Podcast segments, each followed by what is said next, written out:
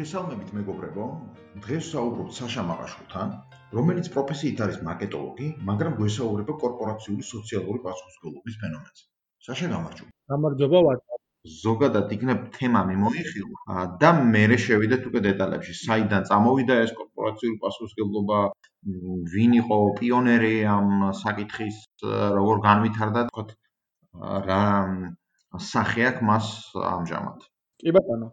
აა ხო ზოგადად პირველ რიგში განსაზღვრება ვთქვა ხო ანუ სოციალური პასუხისგებლობა არის ყველაფერი ის საზოგადოებისთვის სასარგებლო საქმიანობის ერთობლიობა რასაც კომპანია აკეთებს იმის გარდა რასაც ავალდებულებს კანონი.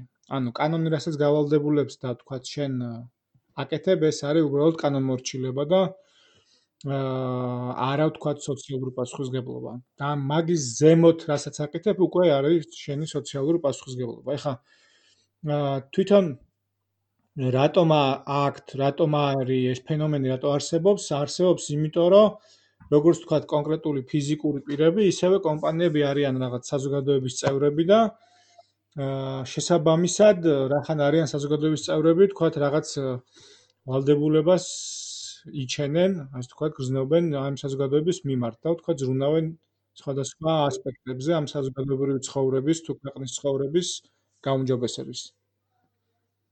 ა პიონერზე რომ მკითხე, სიმართლე გითხრა, ესე ძნელი სათქმელია. მაგრამ ერთი ცალსახად შეიძლება ითქვას, რომ ну, უფრო და უფრო დიდ მნიშვნელობას იძენს სოფლიოში და საქართველოსშიც ბოლო წლებში განსაკუთრებული ფოკუსის ქვეშ მოექცა ეს სფერო.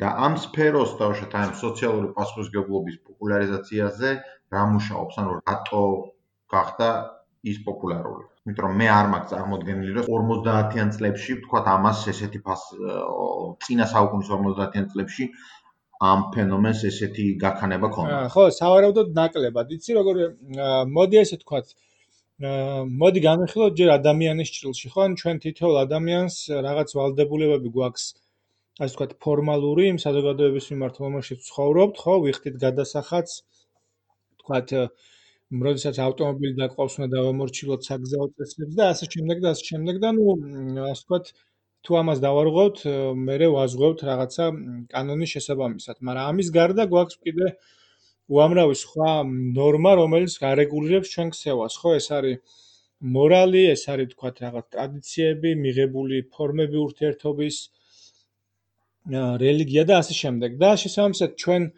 ვცდილობთ, რომ აი ამ წრეში, რომელსაც ეს ყველაფერი ქმნის, მოვიქცეთ ისე, რომ ჩვენს მიმართ კეთილგანწყობა გავზარდოთ, ხო? აა იგივე არის ზუსტად კომპანიის შემთხვევაში, ანუ კომპანიები ცდილობენ, რომ თავი აჩვენონ როგორც პასუხისგებლიანი სუბიექტები და არა მხოლოდ თქვათ რაღაც ასე ვთქვათ, ფულის გენერაციის თვის შექმნილი სუბიექტები, არამედ აჩვენონ, რომ მათ ედარდებათ, ასე ვთქვათ, იმ საზოგადოების პრობლემები, რომელშიც ცხოვრობენ. მაგალითად, ედარდებათ ეკოლოგია, აა ვთქვათ, ეკონომიკის განვითარება, სხვადასხვა მოწყვლადი ჯგუფების ბედიღბალი, აა რათა ვთქვათ, შექონდეთ უკეთესი სახელი, თუ შეიძლება ესე ითქვას, საზოგადოებაში რეპუტაცია. რაც შესაბამისად საბოლოო ჯამში ისევ დაუბრუნდებათ აა მათვეს ასიკეთოთ. და დღესდღეობით უკვე უფრო მეტ როლს იმიტომ თამაშობს, სულ უფრო მეტ როლს, რომ აა თქვათ ეს მოთხოვნა კომპანიების მიმართ, რომ თქვათ გახდნენ უფრო სენსიტიური გარემოს მოთხოვნებზე, თუ შეიძლება ასე თქვას, იზრდება, იმიტომ რომ თქვათ ეს კორპორაციები, რომელსაც აქვთ დიდი შემოსავალი და ყველგან ჩანან, რა თქმა უნდა, ყურადღების ცენტრში არიან და ხალხს აინტერესებს თქვათ რას აბრუნებენ ისინი საზოგადოებაში, ხო? იმ სიკეთის სანაცვლოდ, რომელსაც იღებენ იმ საზოგადოებისგან, რომელშიც რეალურად მოგებას ნახულობენ. იცი საშა როგორი კითხვა მაგ? ზოგადად მე რა გამოცდილებაც მაგ ბიზნესთან ურთიერთობაში, როგორც წესი, ეს არის საკმაოდ ეგოისტური სისტემა და ხანდახან ცინიკურიც კი. ეს როგორ ჯდება იმაში, რაც შენ თქვი ეს ჩემი შტაბაჭდილება, როგორ შეიძლება რომ ორგანიზაცია, რომელიც არის ორიენტირებული შემოსავალზე, ა ორიენტირებული იმაზე, რომ შემოსავალ მოგება გაზარდოს, გადავარდეს რაღაცა ესე სენტიმენტალიზმში რა. ხო, სენტიმენტალიზმს ამას არ დავარქმევდი, ანუ რეალურად ორი შრე ქმნის სოციალური პასუხისგებლობა ის ფენომენს და პირველი შრე ეს არის კომპანიის ის თანამშრომლები, რომლებიც ამ კომპანიას მართავენ, ხო, თქვა და შესაბამისად მათი პირადი დამოკიდებულება გარკვეული სფეროების მიმართ ან მართავენ ან დამფუძნებლები არიან და ასე შემდეგ. მათი პირადი დამოკიდებულება, თქვა, უბიძგებს კომპანიას, რომ თქვა რაღაცა კონკრეტულ საკითხს უფრო მეტი ყურადღება მიაქციოს. მაგალითად, არ ვიცი, გენდერულ თანასწორობას, ნარჩენების მართვას, რო იქ რაღაც ნეგატიური გავლენა შემცირდეს კომპანიის საქმიანობით ეკოლოგიას და ასე შემდეგ. აა თუმცა ეს შრე ძალიან ვიწროა, ანუ რეალურად თქვა ჩვენ თუ თუ ვიქნებით ხოლმე იმის იმედად, რომ აი კორპორაციაში მომუშავე ადამიანების აა ასე ვთქვათ, პირადი ინიციატივები ინიციატივებზე იდგეს მთელი კორპორაციის სოციალური პასუხისმგებლობა. აა ეს ძალიან მცირე იქნება. აა და ბევრად უფრო მეტი მოდის სხვა წყაროდან, ანუ შე როგორც აღნიშნე, ხა ცინიკური კომპანია აა შეიძლება იყოს, რა თქმა უნდა, მაგრამ მოდი ეს ვთქვათ, კომპანია რა არის, ხო, ეს არის აა რაღაც ვთქვათ, მანქანა თუ შეიძლება ისე ითქვას, რომელიც რომელიც დგას სამი ძირითადად სამი ჯგუფის ინტერესების დაბალანსებაზე დგას, ხო? ეს არის ვინ? მომხმარებელი, თანამშრომელი აუცილებლად და აქციონერი. აქციონერი მფლობელი, ანუ ვინც ასე ვთქვათ, მოგებას ინაწილებს, ხო? შესაბამისად, ამ ხალხის ინტერესების დაბალანსებით ცოცხლობს ეს კომპანია, რომელიმეს ინტერესმა თუ გადაძალა ზედმეტად, აა უკვე ეს ბალანსი ირღვევა. გარდა ამის არსებობენ თქვათ მთელი რიგი ჯგუფები, რომლებიც ამ კომპანიის გარშემო არიან, მაგალითად ვთქვათ, აა რაღაც აქტივისტები, არასამთავრობო ორგანიზაციები, მედია, ну მთავრობა უკვე ვახსენეთ და სამთავრობო სტრუქტურები, რომლებიც აა გარკვეულ ზეგავლენას ახდენენ ამ კომპანიის კეთილდღეობაზე, ხო? მაგალითად, შენ თუ გაქვს ბიზნესი და აა დაუშვათ ცუდ გარემოში ამუშავებ თანამშრომლებს, შენ შეიძლება რაიმე პრობლემა შეგიქმნას, იმიტომ რომ ვიღაცამ თქვათ შენ შეიტანოს სარჩელი, მე მოხდე შესაბამისი თქვათ უფლებამოსილების ყურადღების ცენტრის ცენტრში და ასე შემდეგ. ანუ რეალურად ბევრი რეპუტაციული რისკი შეიძლება შეგიქმნას იმან რომ შენ არ ხარ პასუხისგებლიანი. აა აქედან გამომდინარე, გარდა უშუალოდ თანამშრომლების თქვათ კეთილნებისა, რომელიც ვახსენე, სოციალური სოციალური პასუხისმგებლობას ქმნის ის მომენტი, რომ ეს არის რეალურად კომპანიის რეპუტაციის დაცვის ძალიან კარგი მექანიზმი. აა თუ კომპანია შესაბამისად, ასე ვთქვათ, უვლის და კეთილსინდისიერად ექცევა თანამშრომლებს, კლიენტებს, მფლობელებს, მომწოდებლებს, პარტნიორებს და ასე შემდეგ, რეალურად ძალიან მცირდება იმის რისკი, რომ მას შეექმნას რაიმე ის გაიხოს რამე სკანდალში, შეექმნას რაიმე პრობლემა რომელიმე ინტერესთა ჯგუფთან და შესაბამისად საბოლოო ჯამში ცირდება იმის რისკი, რომ ეს ნეგატიურად დაარტყავს მის აქციის ფლატს. ანუ ჩვენ თუ ძალიან პრაგმატულად შევხედავთ და კომპანიას განვიხილავთ როგორც რასის ფულის გენერატორ ცინიკურ სუბიექტად, აქ მაინც სოციალური პასუხისმგებლობა ძალიან მნიშვნელოვანი ელემენტად რჩება, იმიტომ რომ საბოლოო ჯამში ძალიან პრაქტიკულ აა ასე ვთქვათ, როლს თამაშობს. შემიძლია მაგალითებიც მოვიყვანო, აი დავუშვათ აა ზოგადად ის თუ როგორი სოციალური პასუხისმგებლობა აქვს კომპანიას პირდაპირ განისაზღვრება იმითი, როგორ საზოგადოებაში და როგორ ქვეყანაში ცხოვრობს, ხო? თქვათ ეს მეგაკორპორაციები რაღაცებს თქვათ, რასაც ასე თქვათ, რის უფლებასაც თავს აძლევენ განუვითარებელ ქვეყნებში, არ მისცემენ იგივეს უფლებას თქვათ თავს გერმანიაში ან შტატებში, ხო? თქვათ, ნებისმიერი ბიზნესი ერგება იმ საზოგადოებას, რომელშიც ის აა ფუნქციონირებს. მაგალითად, მე გავჩეხე ტყე და ავაშენე რესტორანი, ხო? ასეთი ფაქტები ჩვენც ვიცით, ხო, თბილისშიც არის.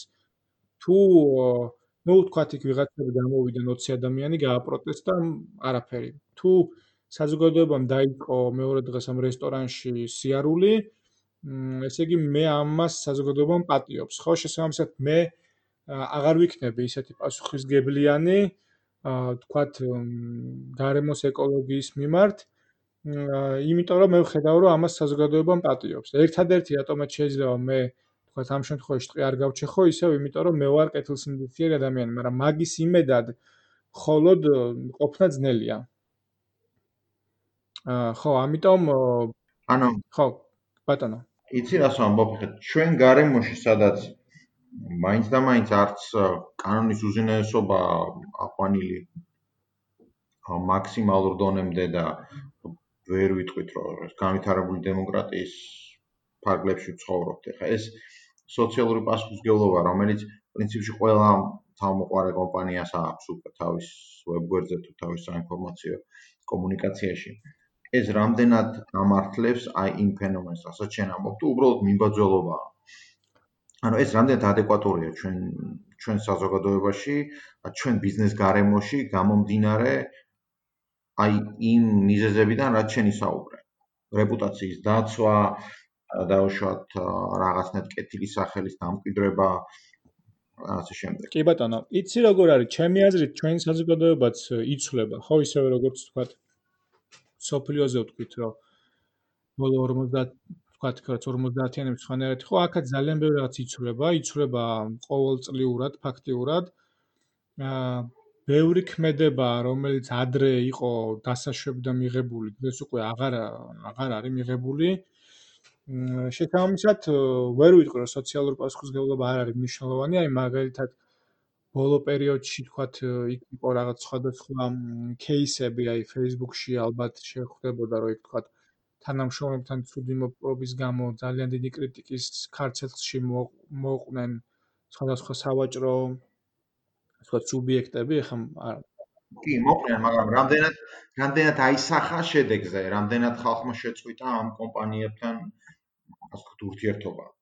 თორე კრიტიკის ხალხოსში ეს კრიტიკა ადვილია ანუ ეს ხალხი გამოვა დაწერს Facebook-ში რომ ვიღაცა ცუდია მაგრამ მე ისევ აგრძელებს ამ კომპანიასთან საქმიან ურთიერთობებს ხო თუ ეხლა მე მე მონაცემი არ მაქვს თუ 100% აგრძელებს და მხოლოდ ასე ვთქვათ Facebook-ში გულის მოფხანით შემოიფარგლება, ხო, რა თქმა უნდა, ის კომპანია ნაკლები შანსია რომ შეიცვალოს. თუმცა თუნდაც იმ Facebook-ში კრიტიკასაც აქვს მნიშვნელობა, იმიტომ რომ სხვა კომპანიები მაინც კიდევ ორჯერ დაფიქრდებიან, სანამ თქვა რაღაც ისეთ ნაბიჯს გადადგავენ. თუმცა მგონია რომ თლად ესე უკვალოდ არ არ არ მიდის ხოლმე ესეთი რაღაცები, იმიტომ რომ აა საბოლოო ჯამში ყველაფერი აღქმის და დამოკიდებულების საკითხია და როდესაც ბრენდის მიმართ შესახებ ისმენ ძალიან ბევრი ისეთ მწავე კრიტიკას და ობიექტურად აი ობიექტურად არ მოგწონს ის ისინი რაც საკეთებენ არ არსებობს რომ თქვა რაღაც ნაწილზე მოსახლეობის ეს არ მოქმედებს შეიძლება მოქმედებს უფრო მცირე ნაწილზე ვიდრე თქვა სხვა ქვეყნებში, არის ქვეყნები ალბათ, სადაც ბევრად უფრო ნაკლებად სენსიტიური ამოსახლეობა, ვიდრე ჩვენთან შედარებით, მაგრამ მოკლედ ეს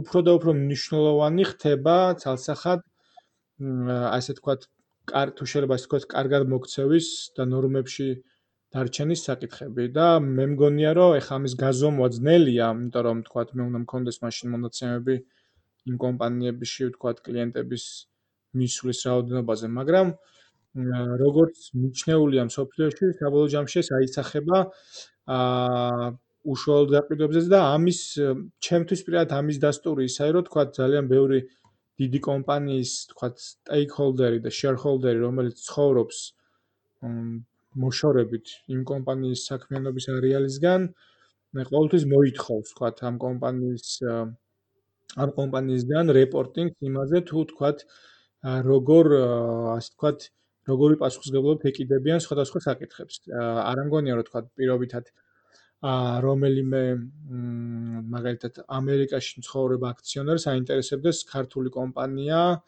როგორ იქცევა საქართველოში. ნუ ნაკლებად სავარაუდოა ხო თქვათ რაღაც ადამიანურად რო აინტერესებდეს, მაგრამ მას აინტერესებს ეს იმიტომ რომ მან იცის რომ ეს საბოლოო ჯამში თუ საქართველოში კომპანია რაღაც ასე ვთქვათ ნორმებს არ აკმაყოფილებს, რაღაც მომენტში შეიძლება შეექმნას რეპუტაციული პრობლემა. ეხლა რაც შეეხება იმას, რომ თქვა სიტყვაზე საზოგადოება რეალურად მოქმედებს თუ არა კომპანიების ქცევაზე, აი მაგალითად ახლა Apple-ის მაგალითი რო ავიღოთ, ხო? აი გლობალურ მაგალითს რო შევხედოთ, ახლა აა იყო რამოდენიმე თვის წინ first best case-ი, რომ მოკლედ ყირიმი მიუთითებს როგორც რუსეთის ნაწილი, ხო? თავის რუკებზე. ეხლა Apple-ი როდესაც თავის რუკებზე, რუკებზე აკეთებს ესეთ ცვლილებას, ეს ფაქტიურად ბევრად უფრო წონიანი მოვლენაა, ვიდრე თქვა ბევრი ქვეყნისგან თქვა ყირიმის რუსეთად ოფიციალურად აღიარება, ხო? იმიტომ რომ Apple ძალიან დიდი სოციალური გავლენის მქონე ქვეყანაა, ეს კომპანია, ხო?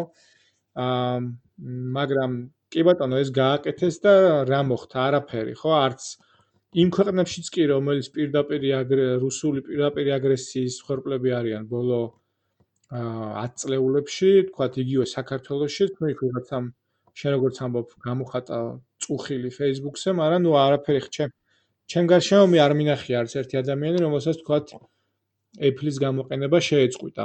ნუ შესაბამისად ხო, თუ აფხაზეთი რო აღიარონ Google-მა ცალკე ქვეყნად. რამდენად მოახდენს ეს ჩვენზე გავლენა? აა მე მგონი რომ მოახდენს. მე მგონი რომ მოახდენს, თუმცა აა კიდე ერთი მომენტი ახლა ჩვენის პრობლემა აქვს რომ პატარა ქვეყანა ვართ ხო და თქვა შეიძლება ეს გააკეთოს რუსული ბაზრის გულის მოსაგებად. ნუ ახლა პოლიტიკაში გადავდივართ, მაგრამ კი რა ბაზრის გულის მოსაგებად გააკეთა ნამდვილად უბრალოდ ნუ ხო, მაგრამ თქვა დასავლეთ ევროპაში რომელიც თითქოს ძალიან სენსიტიური და სამართლიანობაზე ასე თქვა ორიენტირებულია, რომ ამტყდარიყო თქვა ამაზე სკანდალი და ხალხს დაეწყო მასიურად Samsung-ზე გადასვლა, ალბათ რუსული ბაზარი აა მეორე პლანზე გადავიდა, მაგრამ ნუ Apple-მა თქვა იცის რომ ეს არ მოხდება, ხო? ამიტომ თქვა იქცევა ისე როგორც იქცევა. ეხლა აა შესაბამისად თქვა ჩვენ ვერ ვიტყვით რომ Apple არის ცუდი კომპანია, იმიტომ რომ იმ კომპანიის უკანაც დგანან ადამიანები ისეთივე როგორც თქვა მე ამ iPhone-ს ყიდულობს, ან რა ვიცი, iPod-ს და შესაბამისად აა რა გარემოთ არის ის იმ იმ გარემოს ერგება რა. კულტურის ფენომენი როგორია ამ შემთხვევაში? მაგალითად, აი მაგალითს მოვუყარო. ამერიკაში სადაც ჩემი აზრით ეს ფენომენი წარმოიშვა, ფენომენი რომ რომ თქო ბიზნესი სოციალურ პასუხისმგებლობას იღებს, იქ ძალიან ღმათ იყო გამჯდარი ფილანთროპიის კულტურა. თქვა შეგვიძლია ბილ გეიტსი ან როკფელერი, რომლებმაც რაღაცა პერიოდი ქონება დააგროვეს და მე დანარჩენი ცხოვრება მიუძღვნეს აი ამ დაგროვილი ქონების დახარჯვას ფილანთროპიული მიზნებით. და იმ კულტურაში სადაც ეს სოციალური პასუხისმგებლობა წარმოიშვა, უკვე არსებობდა ფილანთროპიისადმი მიდრეკილება, უბრალოდ მე-20 საუკუნეში პირადი ინიციატივით ფილანთროპიის ფენომენი გავრცელდა ასევე კორპორაციებში. ხა ჩვენ რასაც ჩვენში რაც ხდება, ხო, ჩვენ კულტურაში მე არ ვხედავ, რომ ეს მაინც და მაინც ძლიერია. ჩვენ უფრო მიდრეკილი ვართ იმისკენ, რომ რაღაცა ჩვენიანებს ბჭალებში დავეხმაროთ. და მიუხედავად იმისა, რომ შეიძლება დიდმა კორპორაციებმა ეს კულტურა გადმოიღეს, იმიტომ რომ ისინი იძულებული არიან, რომ ხარი აუბან არსებულ ტენდენციებს.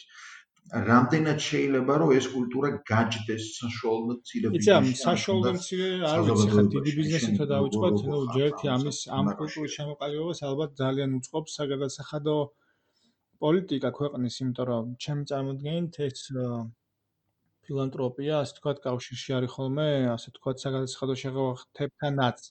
გარდა იმისა, რომ თქვა აა ნუ რაღაც ადამიანის სურვილია. მეორე ისაა, რომ თქვა ეს ძალიან დიდარი ფენა უნდა იყოს საკმარისად დიდი, თუმცა ახლა არის საქართველოსში ნამდვილად ფაქტები იმისი, რომ თქვა, ნუ საქართველოს მასშტაბით ძალიან დიდარი ადამიანები ფილანტროპით არიან დაკავებული, მაგრამ და ყოფილან, მაგრამ აა უნდა გაჩნდეს საკმარისად ისეთი დიდი ფენა ამ დიდარი ხალხის, რომლებისთვისაც ეს უკვე ნუ გარდა თქვა იქ რაღაც საგადასახადო შეღავათებისა პრესტიჟულიც იქნება, ხო? როგორც თქვა, იმიტომ რომ როდესაც ძალიან დიდარი ხარ ადამიანი, მე სხვა რაღაცები გინდება, ხო?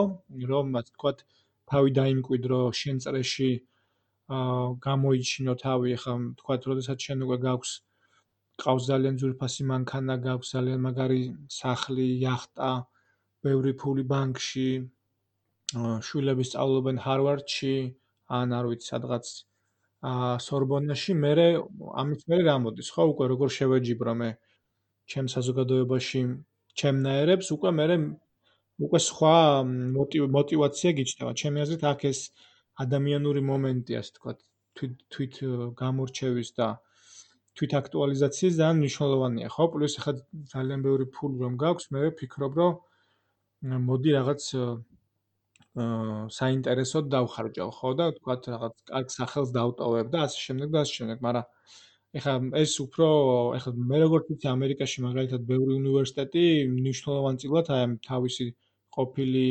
ელამნაების შემოწირულობით ცხოვრობს, რომლებიც მე გამდიდრდნენ. საშა, ბოლო კითხვა მინდა დაგისვა, რომელიც დაკავშირებულია იმ კრიზისთან, რომელშიც ვიმყოფებით ახლა. ამ კრიზისთან მიმართებაში რა ცვლილებები განიცადა კორპორატიული პასუხისგებლობის თეორია? აა, იცი, თეორიას ალბათ არანაირი ცვლილება არ გამოსწია, უბრალოდ ერთი მომენტი აქვს მნიშვნელოვანი, რომ კრიზისში აა როგორც იქცევიან კომპანიები, ეს ძალიან გრძელვადიანად მოქმედებს მათ მიმართ დამოკიდებულებაზე, იმიტომ რომ ადამიანებს ახსოვთ ის თუ აა როგორ მოექცნენ მათ, როდესაც იყო, ასე ვთქვათ, რთული მდგომარეობა და როდესაც ადამიანები იყვნენ განსაკუთრებით მოწყვლადი და რთულ სიტუაციაში. აა ამიტომ აქ რამოდენიმე მომენტს აქვს მნიშვნელობა. ერთი რომ თავიდან რა თქმა უნდა ყველა პირველი რეაქცია რომ საკუთარი თავის უსაფრთხოება უზრუნველყოს, მაგრამ მნიშვნელოვანია რომ კომპანიებმა განსაკუთრებით დიდებმა მოახდინონ მობილიზება, რათა რაღაც საერთო ძალისხმევით კრიზისი შედარებით უნტკივნეულად გავიაროთ და თქვათ ახლა ლაპარაკია ბევრ ამაზე შეღავათებზე, თქვათ ბევრ კომპანიამ სოფლიოს მასშტაბით უფასო გახადა თავის პროდუქტი, ან გარკვეულ ინდუსტრიას ეხმარება, ლაპარაკია თანამშრომლების შენარჩუნებაზე და ასე შემდეგ. ანუ იმისთვის რომ თქვათ ეს რთული პერიოდი რაღაცნაირად შედარებით ნაკლები დანაკარგებით გავიაროთ. ხო, მაგალითი უბრალოდ ერთი რომ მოვიყვანო, Netflix-მა როგორც კი ამერიკა დაიკეტა, ასე თქვათ, გამოაცხადა, რომ ინდუსტრიას, რომელიც ნუ შედგება მისი აა ასე თქვათ, კინოპროდუქციის გამომზადებელი თუ შეიძლება ესე ითქვას, სტუდიებიდან და იმ ხალხისგან, ვინც ამ სფეროში მუშაობს, აა გამოუყოფდა თუ არ ვსწრებია 17 მილიონს იმისთვის, რომ თქვა რაღაცა ეს პერიოდი გაეტანათ და რაღაც თქვა ემუშაოთ რაღაც ისეთ პროექტებზე, რომელიც მომავალში იქნებოდა საინტერესო და ნუ რის საშუალებაც ამ დისტანციურ რეჟიმში შესაძლებელია.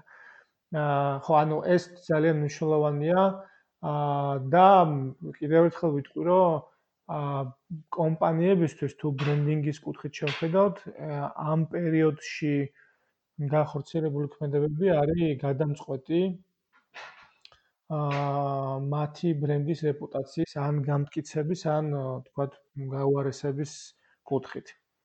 იმიტომ რომ თქვათ ეს კრიზისის შემდგომ ადამიანების მახსოვრობაში ადარჩება, ამას კიდევ დიდხანს ექნება ამ კომპანიებზე გავლენა. იმედი უნდა ვიქონიოთ, რომ ყველა ყველა არა, მაგრამ ალბათ ბევრი კომპანია გაითვალისწინებს აი ამ რეკომენდაციას, რომელსაც შენ გაეციე. მინდა გისურვო, რომ ეს კრიზისი მალე დამთავრდეს და ჩემთვისაც იგივე უსურვო და დაგემშვიდობო დიდი მადლობის. აა დიდი მადლობა, ძალიან საინტერესო პოდკასტი დაიწყე და მინდა გისურვო წარმატება. დიდი მადლობა. მოგვალ შეხვედრამდე.